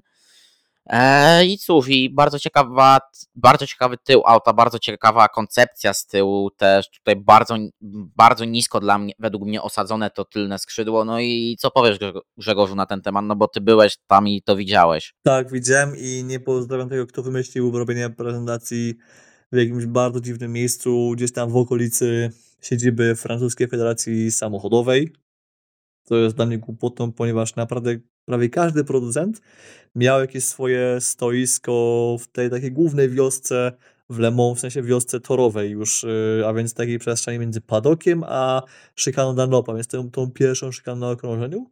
Tymczasem Alpine sobie wymyśliło prezentację gdzieś w okolicy zakrętów Porsche, gdzieś w tym rejonie, jakby to tak bardziej zobrazować, czyli musiałem iść w ogóle gdzieś na drugą część toru, znaczy w, gdzieś się w ogóle cofać, gdzie finalnie i tak nie trafiłem, ale miałem okazję zobaczyć e, sam model, sam, e, sam koncept toru samochodu już e, na takiej wystawie właśnie Alpin, gdzie uważałem, myślałem, że tam się wydarzy, a finalnie tam nie było wystawy. Wcześniej tylko dopiero pokazali już w sobotę sam samochód. To tak, jak najbardziej e, podobieństwo z Akorą, tak? Jak najbardziej to jest e, spodziewane wręcz. Nie, nie, nie byłem mimo to zaskoczony, a jednak jestem zawiedziony. E, koncepcja tyłu też trochę przypomina BMW, bo też tam bardzo mocno widać, że styliści byli zaangażowani w projekt samochodu. To jest kolejna rzecz. I jeszcze inna rzecz, e, jak rozumiem, według Endurance Info francuskiego, a więc, a więc e, najbardziej niezawodne info w Endurance'ach, no to planowane są testy w USA na przykład. A więc e, wygląda na to, że e, będą, będzie próba wystawienia Alpin w USA. Oczywiście nie pod znaczkiem Alpin, ponieważ by wystartować w IMSie, trzeba mieć e, afiliację z jakąś marką samochodów drogowych, która tam w ciągu roku sprzedaje więcej niż 2,5 tysiąca egzemplarzy, więc pewnie skończy się na tym, że Alpine w USA będzie rebadżowany jako, jako Nissan na przykład. E, Dla mnie bardzo ten, dla mnie, dla mnie spoko. E, Czy coś jeszcze mógłbym wspomnieć w kontekście samej Alpine? Cóż, e, szkoda że tego, że w WEC-u za rok to będzie tylko jeden samochód, podobnie jak Lamborghini. Jestem e, tym mocno zasmucony. Spodziewałem się dwóch aut. Program testowy chyba ma ruszyć gdzieś tam w, w ciągu lipca, na przełomie lipca i sierpnia. Tak, Dobrze tak, tak, lipiec, Piotrze? lipiec, zaraz ci to powiem, bo nawet mam na to, nawet mam z tego screena zrobione, z tej prasóweczki. Tylko oczywiście trzeba No tak. screena najpierw jeszcze znaleźć, a Pewnie przy moi... 27 lipca będą testy. Ja pamiętam rok temu ktoś w podcaście w styczniu, po- po- powtarzam w styczniu, przewidział, znaczy przewidział, e, zdradził, zlikował, e, kiedy dokładnie BMW będzie shakedownowane i się co do dnia ktoś nie pomylił, bo to w sumie była rozmowa z jednym z headów w sumie całego programu w BMW, więc y, już cóż, już teraz wiadomo pewnie, że tam będzie pewnie przełom lipca, sierpnia. E, mam nadzieję tylko, że to będzie w miarę solidne auto, no ale skoro Aku będzie na podwoziu Oreki, a mi wiadomo, że podwozia LMP2 nowej generacji, które używa się w LMDH, są bardzo podobne do tych, co są e, stosowane w, obec- w obecnych LMP2, no to biorąc to pod uwagę, naprawdę Acura oraz Alpin mogą być y, pewne siebie, no zdarzyłem Acura, e, Acura już może być pewna siebie, bo Acura jest dobrym autem, ale no, Alpin może być pewne swoich e, osiągów w przyszłości. Dokładnie, no za kilk, kilka dni, 28 czerwca to jest dokładnie czwartek, jak się nie mylę, muszę jeszcze bym musiał w kalendarz to sprawdzić. Eee, przepraszam, środa, środa 28 czerwca będzie pierwszy startup tego auta, pierwsze odpalenie, później pod koniec lipca shakedown w Lurcy-Levis, e, później pół, pół miesiąca później pierwsze test, pierwsza sesja testowa na torze Paul Ricard, później we wrześniu Aragon, w e, październiku Jerez, e, w listopadzie znowu na Aragon test Endurance 24-godzinny, w połowie listopada. Auto będzie w tunelu testowym, tunelu aerodynamicznym pewnie za Ubera w Hinwil, ale też widziałem wywiad z jakimś headem z Alpin, że pewnie będzie chyba wysłany do Karoliny Północnej, jak się nie mylę, do tego słynnego tunelu IMSY. Też auto będzie Tak, wysłane. No, właśnie tak, tak mówiliśmy. Tak, no, tak, to tak, tak jak jest, y, wspomniałeś. Próba jest y, startu w USA, co jest y, dla nas bardzo dobrą informacją. A odnośnie Akury mówiliśmy, bo też wspomniałem zmiankowo odnośnie Akury. E, informacje, które ja otrzymałem wskazują na to, że Honda niestety nie zaangażuje się w WEG w, przyszłym roku. Na to wygląda na, tej chwili, na tą chwilę. Mam nadzieję, że to nie jest, że to nie jest jeszcze informacja ostateczna, ale no po prostu e, to, co otrzymałem wskazuje na to, że właśnie, że Akury znaczy Hondy za rok w łeku nie będzie, ale ja bym jeszcze może poczekał na jakieś e, pewniejsze info. Tutaj oddałem Tobie głos. Jeszcze tylko tak powiem, że dokończąc, szybko kończąc naprawdę temat Alpin, e, w grudniu testy na Portimao, po, na koniec grudnia koniec procedury homologacyjnej FIA, no i w marcu 2024 roku pierwszy wyścig WEC.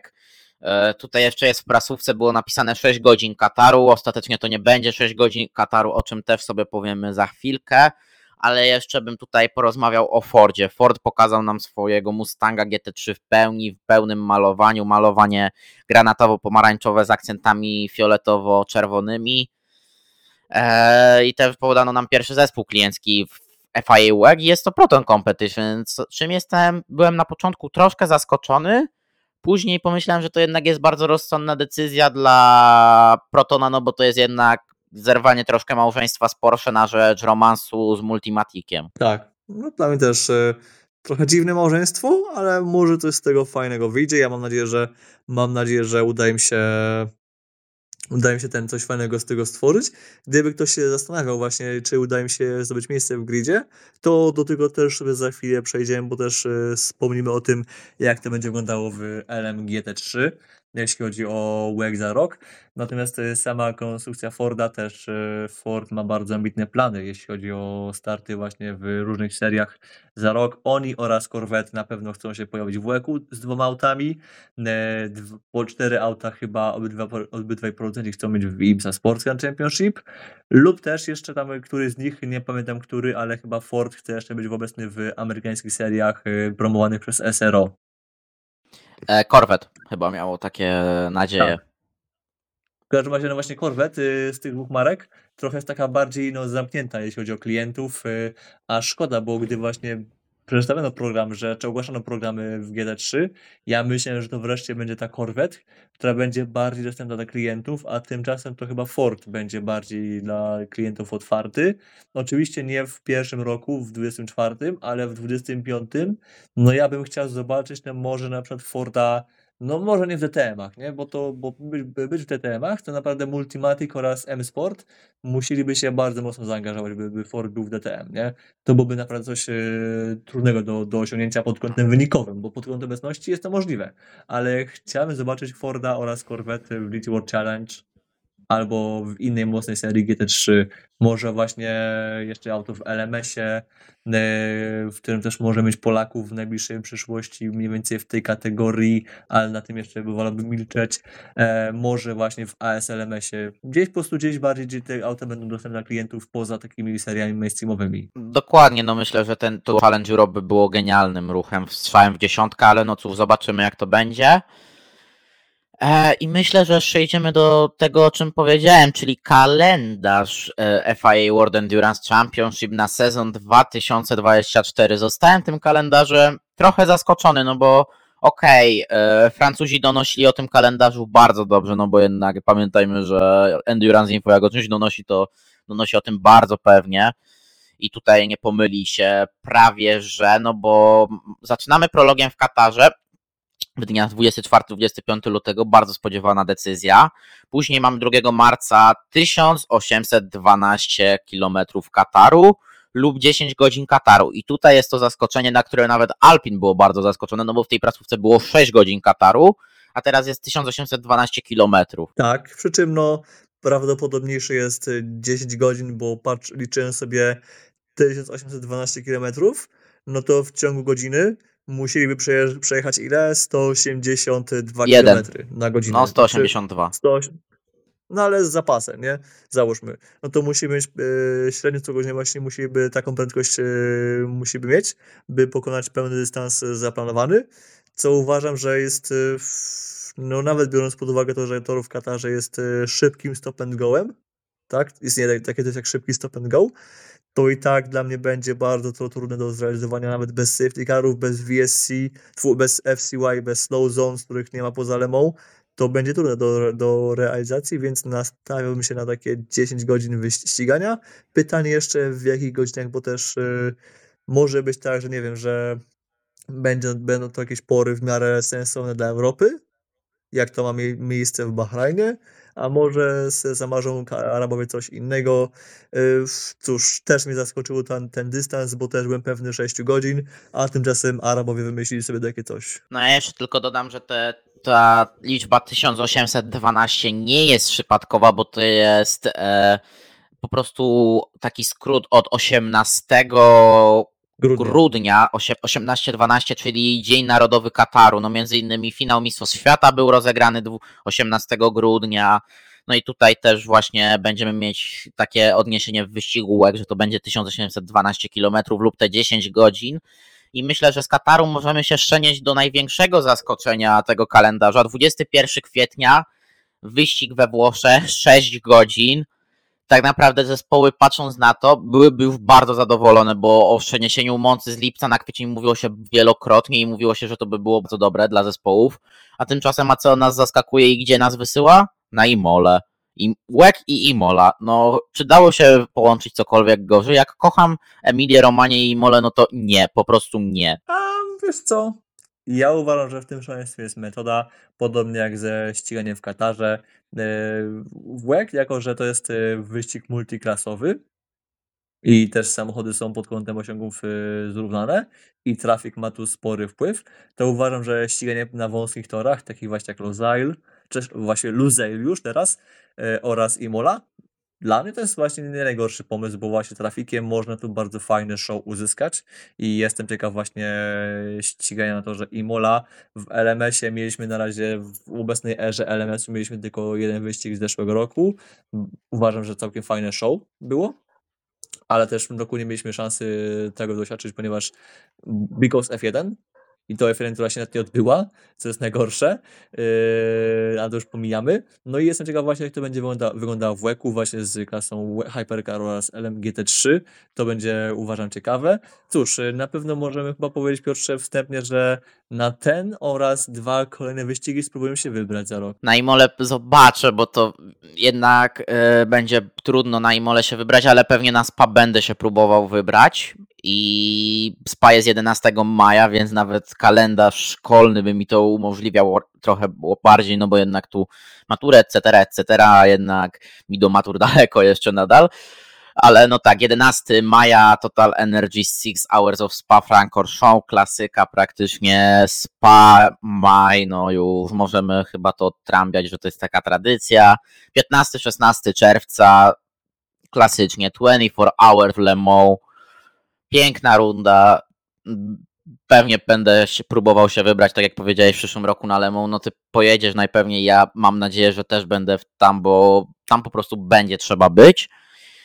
No i 14 lipca mamy wielki powrót do kalendarza. No tak naprawdę już drugi powrót, który raz się powrót nie udał. Mam nadzieję, że drugi powrót się uda. Six Hours of São Paulo, czyli Interlagos wraca nam do kalendarza łek po raz pierwszy od 2014 roku. Najprawdopodobniej to będzie 10 lat już w przyszłym roku. Po 10 latach będzie powrót, no bo teoretycznie miało być Interlagos w kalendarzu na sezon 19-20, ale wypadło z powodów, e, z powodów, z powodów finansowych i tam zostało to finansowych czy jakichś logistycznych? Finansowych oraz y, finansowo-logistyczno-politycznych, tak, takim dużym, y, tak szeroko nazywając to. Okej, okay, no to dobra, no to tutaj i później, tak, wypadło, wypadło. E, później jeszcze Później już nie próbowano z powrotem e, przywrócić, no i teraz Interlagos wróci, miejmy nadzieję. Ja jestem bardzo ciekaw, jak to wypali. Też e, wszyscy, natomiast cały czas łudzimy się na powrót Silverstone, bo to, to też jest tor, na który właśnie kibice liczą właśnie, że wróci, bo też w tych takich dobrych czasach łeku właśnie mieliśmy rundę na, na São Paulo, na Kota, na Silverstone, E, teraz nam wejdzie zamiast Monzy będzie właśnie Imola, co jest takim niespodziewanym wyborem. Odnośnie tego Spa, jeszcze tak się szybko, tak się szybko cofnę, e, zauważę, że będzie kolizja z kwalifikacjami chyba do 24 Hours of Nürburgring, co no, jest troszkę mało optymalne. Oraz też w Katarze no znów będzie mieli taką zimę, zima właśnie ten okres od końca stycznia do początku marca właśnie w świecie endurance'owym jest bardzo taki trudny, ponieważ pod koniec stycznia jest y, Daytona wraz z prologiem o, na, o nazwie ROR, tym testem, co ma miejsce tydzień wcześniej i zaraz tydzień później mamy chyba Bathurst? Bathurst. Bathurst, a jeszcze resztę tego nam wypełniają dwa weekendy w ASLMS-ie. Tutaj wzmiankowo wspomnimy, że ASLMS w tym roku pojedzie najpierw w tym roku, pod koniec tego roku będą dwa wyścigi na torze Sepang, natomiast potem w lutym przyszłego roku czeka nas jeden wyścig w Dubaju i dwa wyścigi na torze Jas Marina, więc tutaj też się pokoszono rewolucja, ale wróćmy do, do łeku. Wyjeżdżamy w końcu z y, Emiratów Arabskich, jej! Mogę to, to po prostu znaczy, odtrąbić. Nie jej, ponieważ y, okej, okay, tak, Sepang y, wszyscy tęsknimy i kibice tęsknią. Ale finanse. Zespoły, no właśnie finanse, logistyka, nie? Zespoły właśnie bardzo lubiły właśnie ten, ten, ten czas, gdy to był taki po prostu dwutygodniowy turnę po, po Emiratach właśnie Dubaj oraz Jasmarina, bo to dla finansów było dobre, a, a dawało im też e, świetne perspektywy na ściganie, ale to jest temat na osobną rozmowę. Dokładnie, no i tak wracając do tego kalendarza, wracamy na Interlagos, później 1 września pojedziemy wyścig Lone Star Le Mans, czyli to jest klasyczne 6 godzin na kocie powrót taki do kalendarza i patrzę na to w miarę pozytywnie, bo zawsze ten łeg na kota dawał dużo emocji. Dwa tygodnie później, 15 września, przeniesiemy się na, dru- na w ogóle na drugi koniec kontynentu do Japonii na tor Fuji. Klasyczne Six Hours of Fuji i zakończymy sezon 2 listopada w Bahrajnie 8-godzinnym wyścigiem.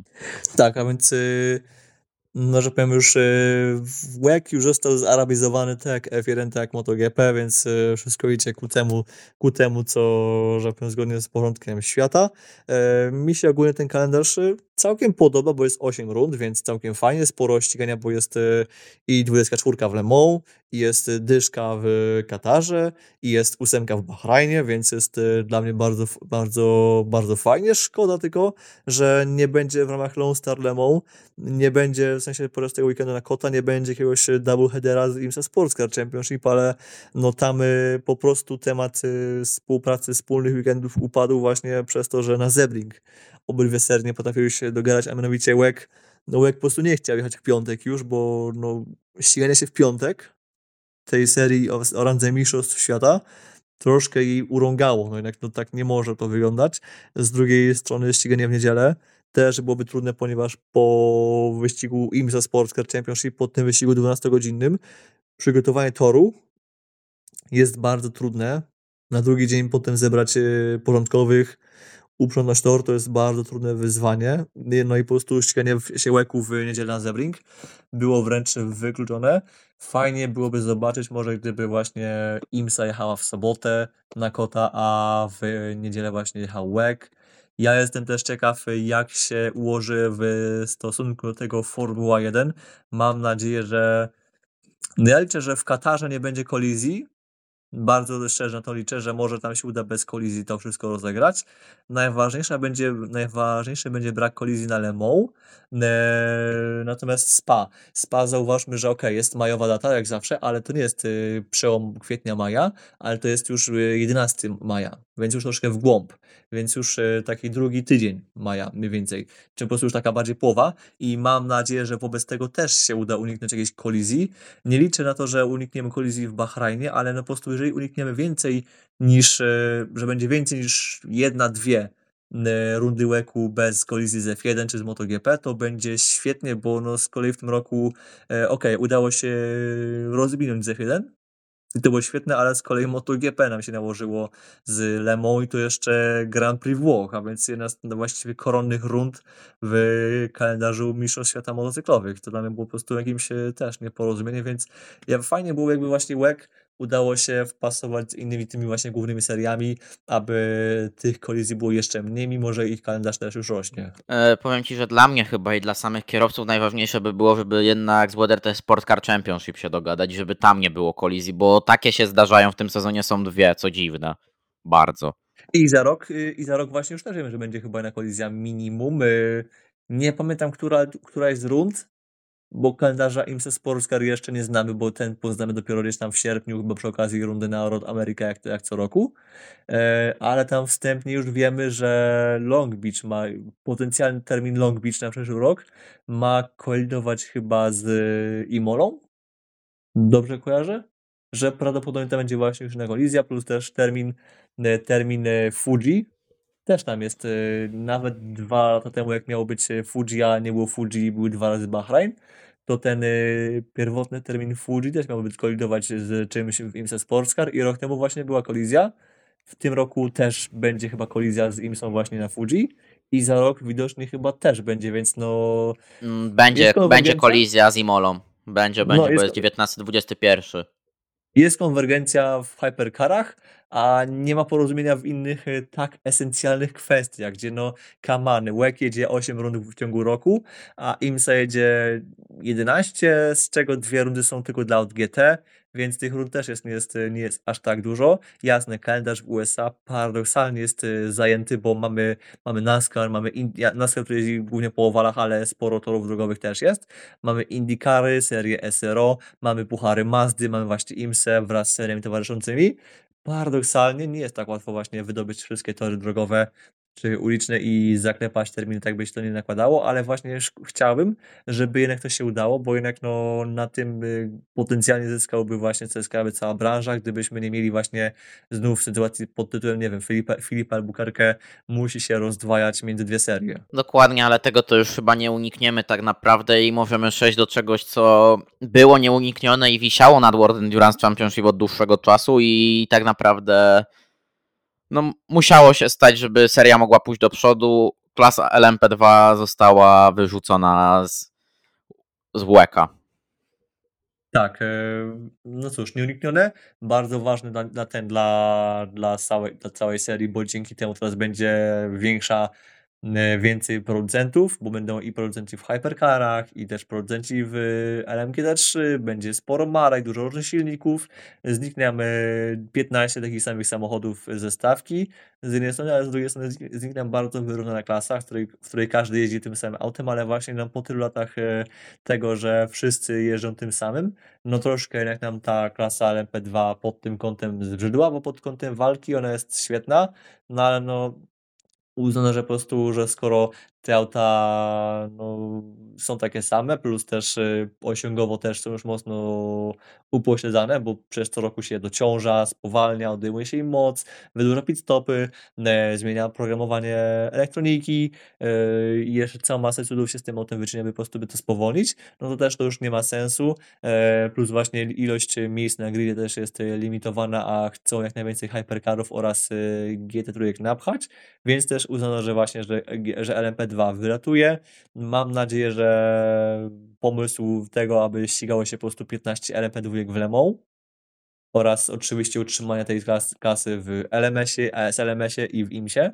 Mam nadzieję, że to będzie dobre dla nich. Ja myślę, że właśnie dzięki temu, że, że będzie mniej aut, że nie będzie tych aut w łeku, to może część z nich się wypełni właśnie, wypełni rynek tą niszę w, w USA ja byłbym jak najbardziej za, to byłoby coś dla nich yy, świetnego.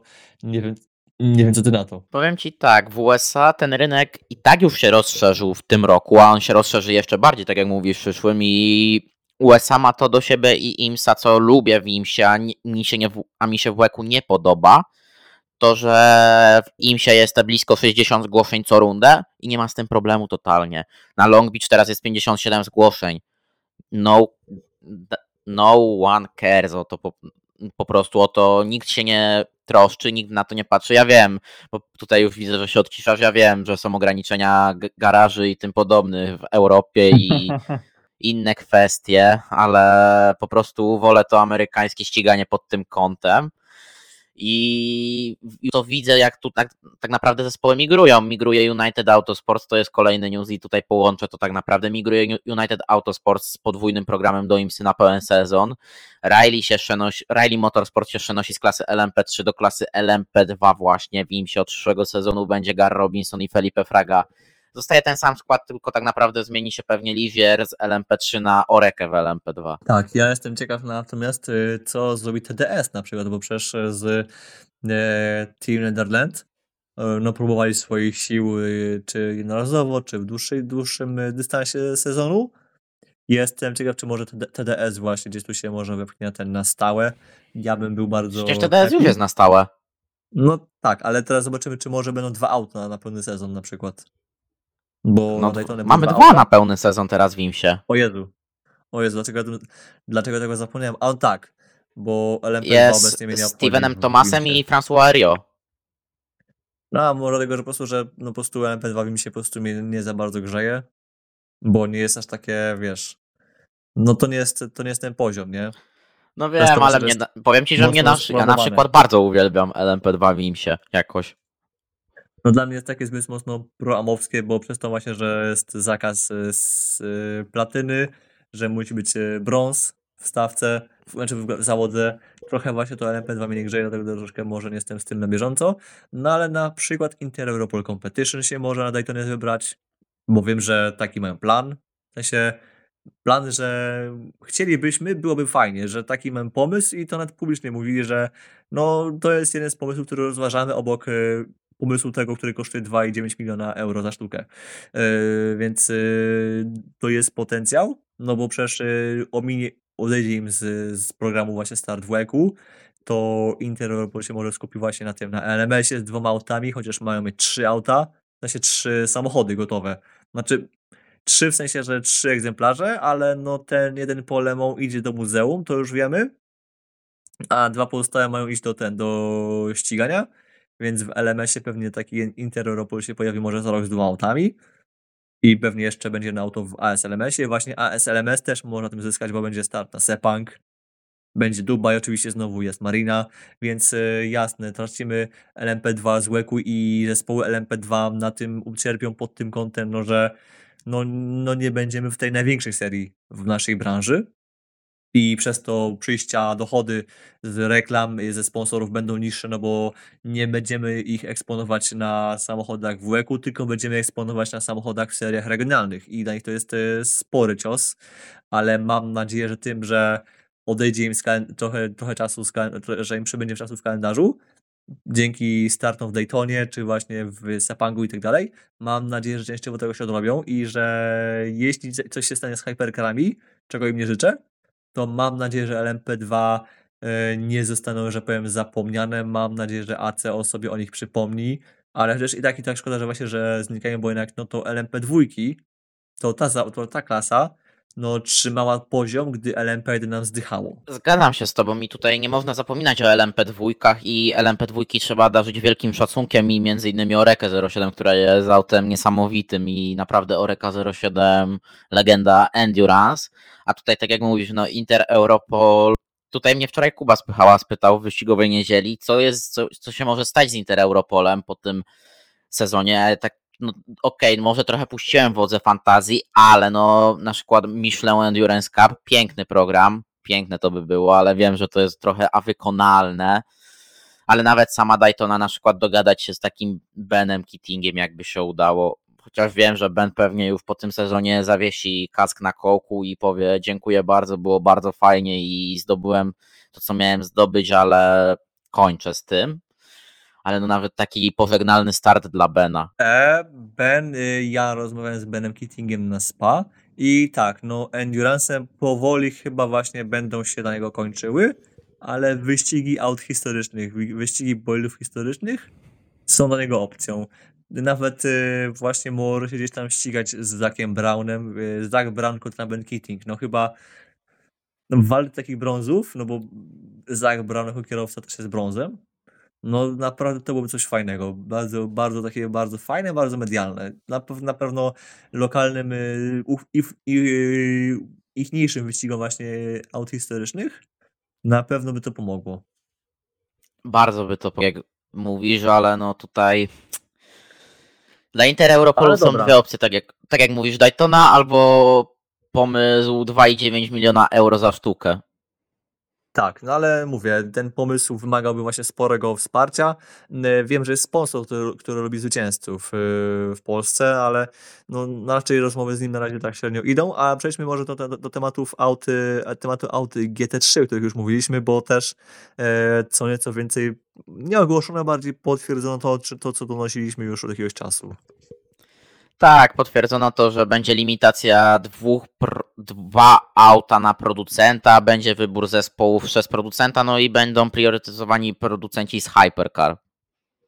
Tak, i naciskam słowo priorytetyzowani, ponieważ sporo osób bardzo niepoprawnie zrozumiało, bo myśleli niektórzy, że e, do LMGT3 wejdą ci, tylko ci producenci, którzy są właśnie obecni w Hypercarach. Nie jasne, będzie BMW, będzie Lamborghini, będzie Ferrari, będzie Porsche, będzie co tam jeszcze?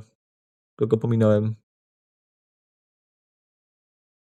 Corvette razie, ewentualnie. No, no właśnie Corvette, jako GM, ale niektórzy pytają się, ok, to jak, to jak tam będzie z Fordem? No Ford będzie, po prostu muszą najpierw wejść ci, którzy mają e, Hypercara, ci te marki, które mają auto w Hypercar, i potem wpuszczą resztę, bo i tak nawet gdyby byli, nawet gdyby właśnie były te marki, które wspomniałem, to i tak y, tych słynnych 38 miejsc się tym nie wypełni. Choćby nie wiem ile hypercarów było, to BMKami, BMKami, Ferrari, Porsche, y, Corvette'ami i tak dalej, jeszcze się jeszcze nie wypełni. Parę miejsc dla Forda będzie i właśnie w ten sposób Ford wraz z zespołem Proton, a więc zespołem, który po prostu jest od lat w tej serii już no właściwie od, odkąd wskrzeszono WEC, mamy zespół Proton Competition pod dużymi nazwami, no to właśnie ten zespół, który jest no, po prostu zasłużony do tej serii, znajdzie miejsce właśnie w WEC-u. Podobnie będzie też z Astonem Martinem, bo też Aston Martin no, nie będzie miał hyper, nie ma auta w klasie Hypercar, pomimo, że mógłby mieć, ale no, klip, klip. no właśnie wydarzyło się to, to, to się wydarzyło, no to będą mieli, ponieważ no też są zasłużeni na WEC-a, bo też Aston Martin też jest od zawsze właśnie w WEC-u. Porsche jako fabryka nie zawsze było, bo miał taki rok, że Porsche jako, fabryczna, jako fabryka wyszło z GT Pro. Na Aston Martin, nawet jak już wyszli z GT Pro, to mieli de facto fabryczne wsparcie w GTA i cały czas je mają i dzięki temu właśnie, że cały czas ten program wspierają, no to będą mieli właśnie miejsce w LMGT3. Oczywiście formalne potwierdzenie przyjdzie w pierwszych tygodniach e, stycznia w przyszłym roku, ale ja mogę z prawie całą pewnością powiedzieć, że właśnie, że Corvette będzie, Ford będzie, Aston Martin będzie, e, Mercedes raczej nie będzie, Audi nie będzie, to mogę potwierdzić. Na szczęście ich, ich tam nie będzie, e, paru innych marek też nie będzie, no Glickenhaus chaosa też nie będzie raczej. Eee, przepraszam, Jim, ale muszę znów to powiedzieć. Po prostu nie będzie was w GT3. Eee, no ale cała, cała masa innych marek będzie. Dokładnie, będzie cała masa innych marek. Będziemy naprawdę mieć piękną stawkę w przyszłym sezonie i myślę, że tutaj tak naprawdę tematy dookoło Le Mans możemy zamknąć, bo tak naprawdę możemy zamknąć już chyba wszystko. No jeszcze, jeszcze tylko bym wspomniał o liście startowej na Watkins Glen, o, której o którym już troszkę powiedzieliśmy sobie o tej IMSie, więc no pamiętajmy, że w tym tygodniu jedzie nam 6-godzinny wyścig na Watkins Glen, IMSA Sports Car Championship i też podano listy startowe, a tam jest kilka zaskoczeń i tutaj już sobie muszę tylko pojechać do samej listy. Hmm. No chociażby wspomnia, wspomniawszy w LMP2 y, zespół F Corse y, Nikas Nielsen, Luis, Pere, y, Luis Perez Kompang i Lili Ładu. To jest bardzo ciekawy skład i to będzie interesujące. E, Perez Kompang, nie wiem jakie ma doświadczenie z LMP2.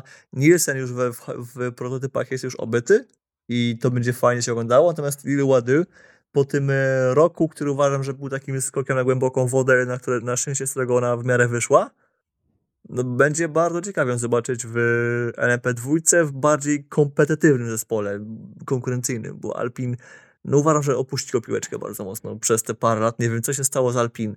Mieli takie bardzo fajne, mieli potencjał na Le nie? W LMP2, ale ogólnie cały sezon i w WEC-u teraz, w LMP2 e, jeszcze w zeszłym roku z Richard Mill. Coś jest nie tak z tym zespołem, a był takim poten potentatem jeszcze parę temu. Dokładnie, ten zespół przepadł po prostu, ale no to już tak E, mówiąc, no to właśnie 88 AF Corse mamy Luisa Pereza Komponka, Lilua Duduselier, jak jest zapisana na liście startowej i Niklas Nielsen, bardzo fajny skład, ja będę patrzył na, ten, na tę załogę z bardzo dużym zainteresowaniem, zaciekawieniem, no bo to jednak też się nie oszukujmy, że jest to bardzo ciekawa załoga. Ja bym też jeszcze pochylił się nad klasą GTD Pro, bo tam mamy dodatkowe zgłoszenie, a przeniosło zgłoszenie numer 21, z klasy GTD do klasy GTD Pro i tam pojadą Simon Mann, Ulis Depot i do tej dwójki, która już jeździła w klasie GTD w 21. W 61 dołączy Miguel Molina i to będzie i będziemy mieć dwa Ferrari w klasie GTD Pro, bo będziemy mieć i Ferrari od, od AF Corse i klasycznie Ferrari od Risi Competizione, więc tu jest bardzo duży potencjał. No gdyby nie ten srebrny Simon Mann, no to gdyby był sam Miguel Molina z Ulizem Depot, to bym też stawiał tą załogę bardzo, bardzo wysoko. Cóż, e, GTD Pro tylko z nazwy cały czas. E, ja absolutnie nie rozumiem koncepcji istnienia tej klasy, nie? E, ja, ja myślałem, że to będzie klasa też takie, że to będzie takie troszkę a DTM, to będzie coś, czego nie będziemy mieli w WEC-u, bo WEC idzie bardziej w format Pro Am tej klasy GT3, ja myślę, że będzie coś fajnego w, w GTD Pro. Tu jest kolejny dowód, że w IMSA można sobie naginać przepisy, regulacje albo je wręcz pisać pod siebie.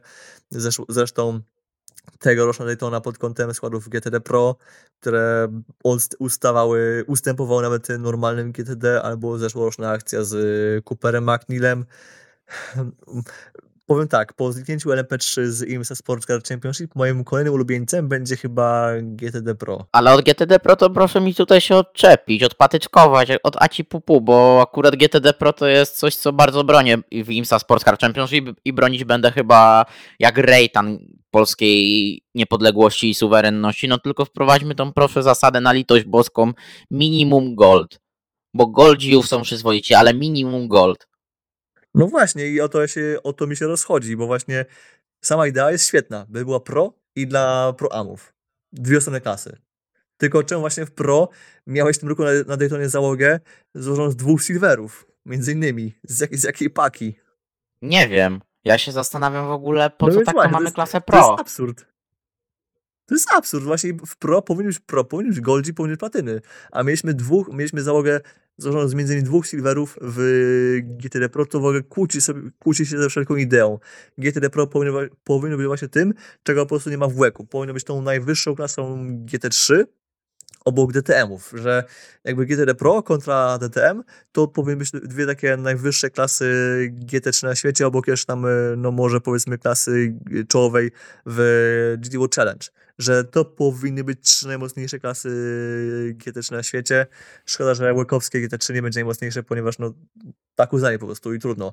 E, chciałbym może, żeby w Le Mans może udało się przynajmniej e, wymyśleć w ACO, żeby wpuszczać parę takich załóg e, stricte właśnie pro, ale no też wiem, że fabrycznia, ufabrycznianie właśnie nie GT3 nie leży za bardzo Ratelowi i ACO też idzie bardzo, bardzo mocno za jego radą, no ale cóż, tak, takie, tak, jest, tak jest ten sport, też to rozumiem, ale no właśnie chciałbym zobaczyć właśnie takich stricte profesjonalistów właśnie w aucie GT3, choćby właśnie w samym Le Mans, ale no, no raczej prędzej zobaczę LMP2 na pełny sezon w klasie Hypercar.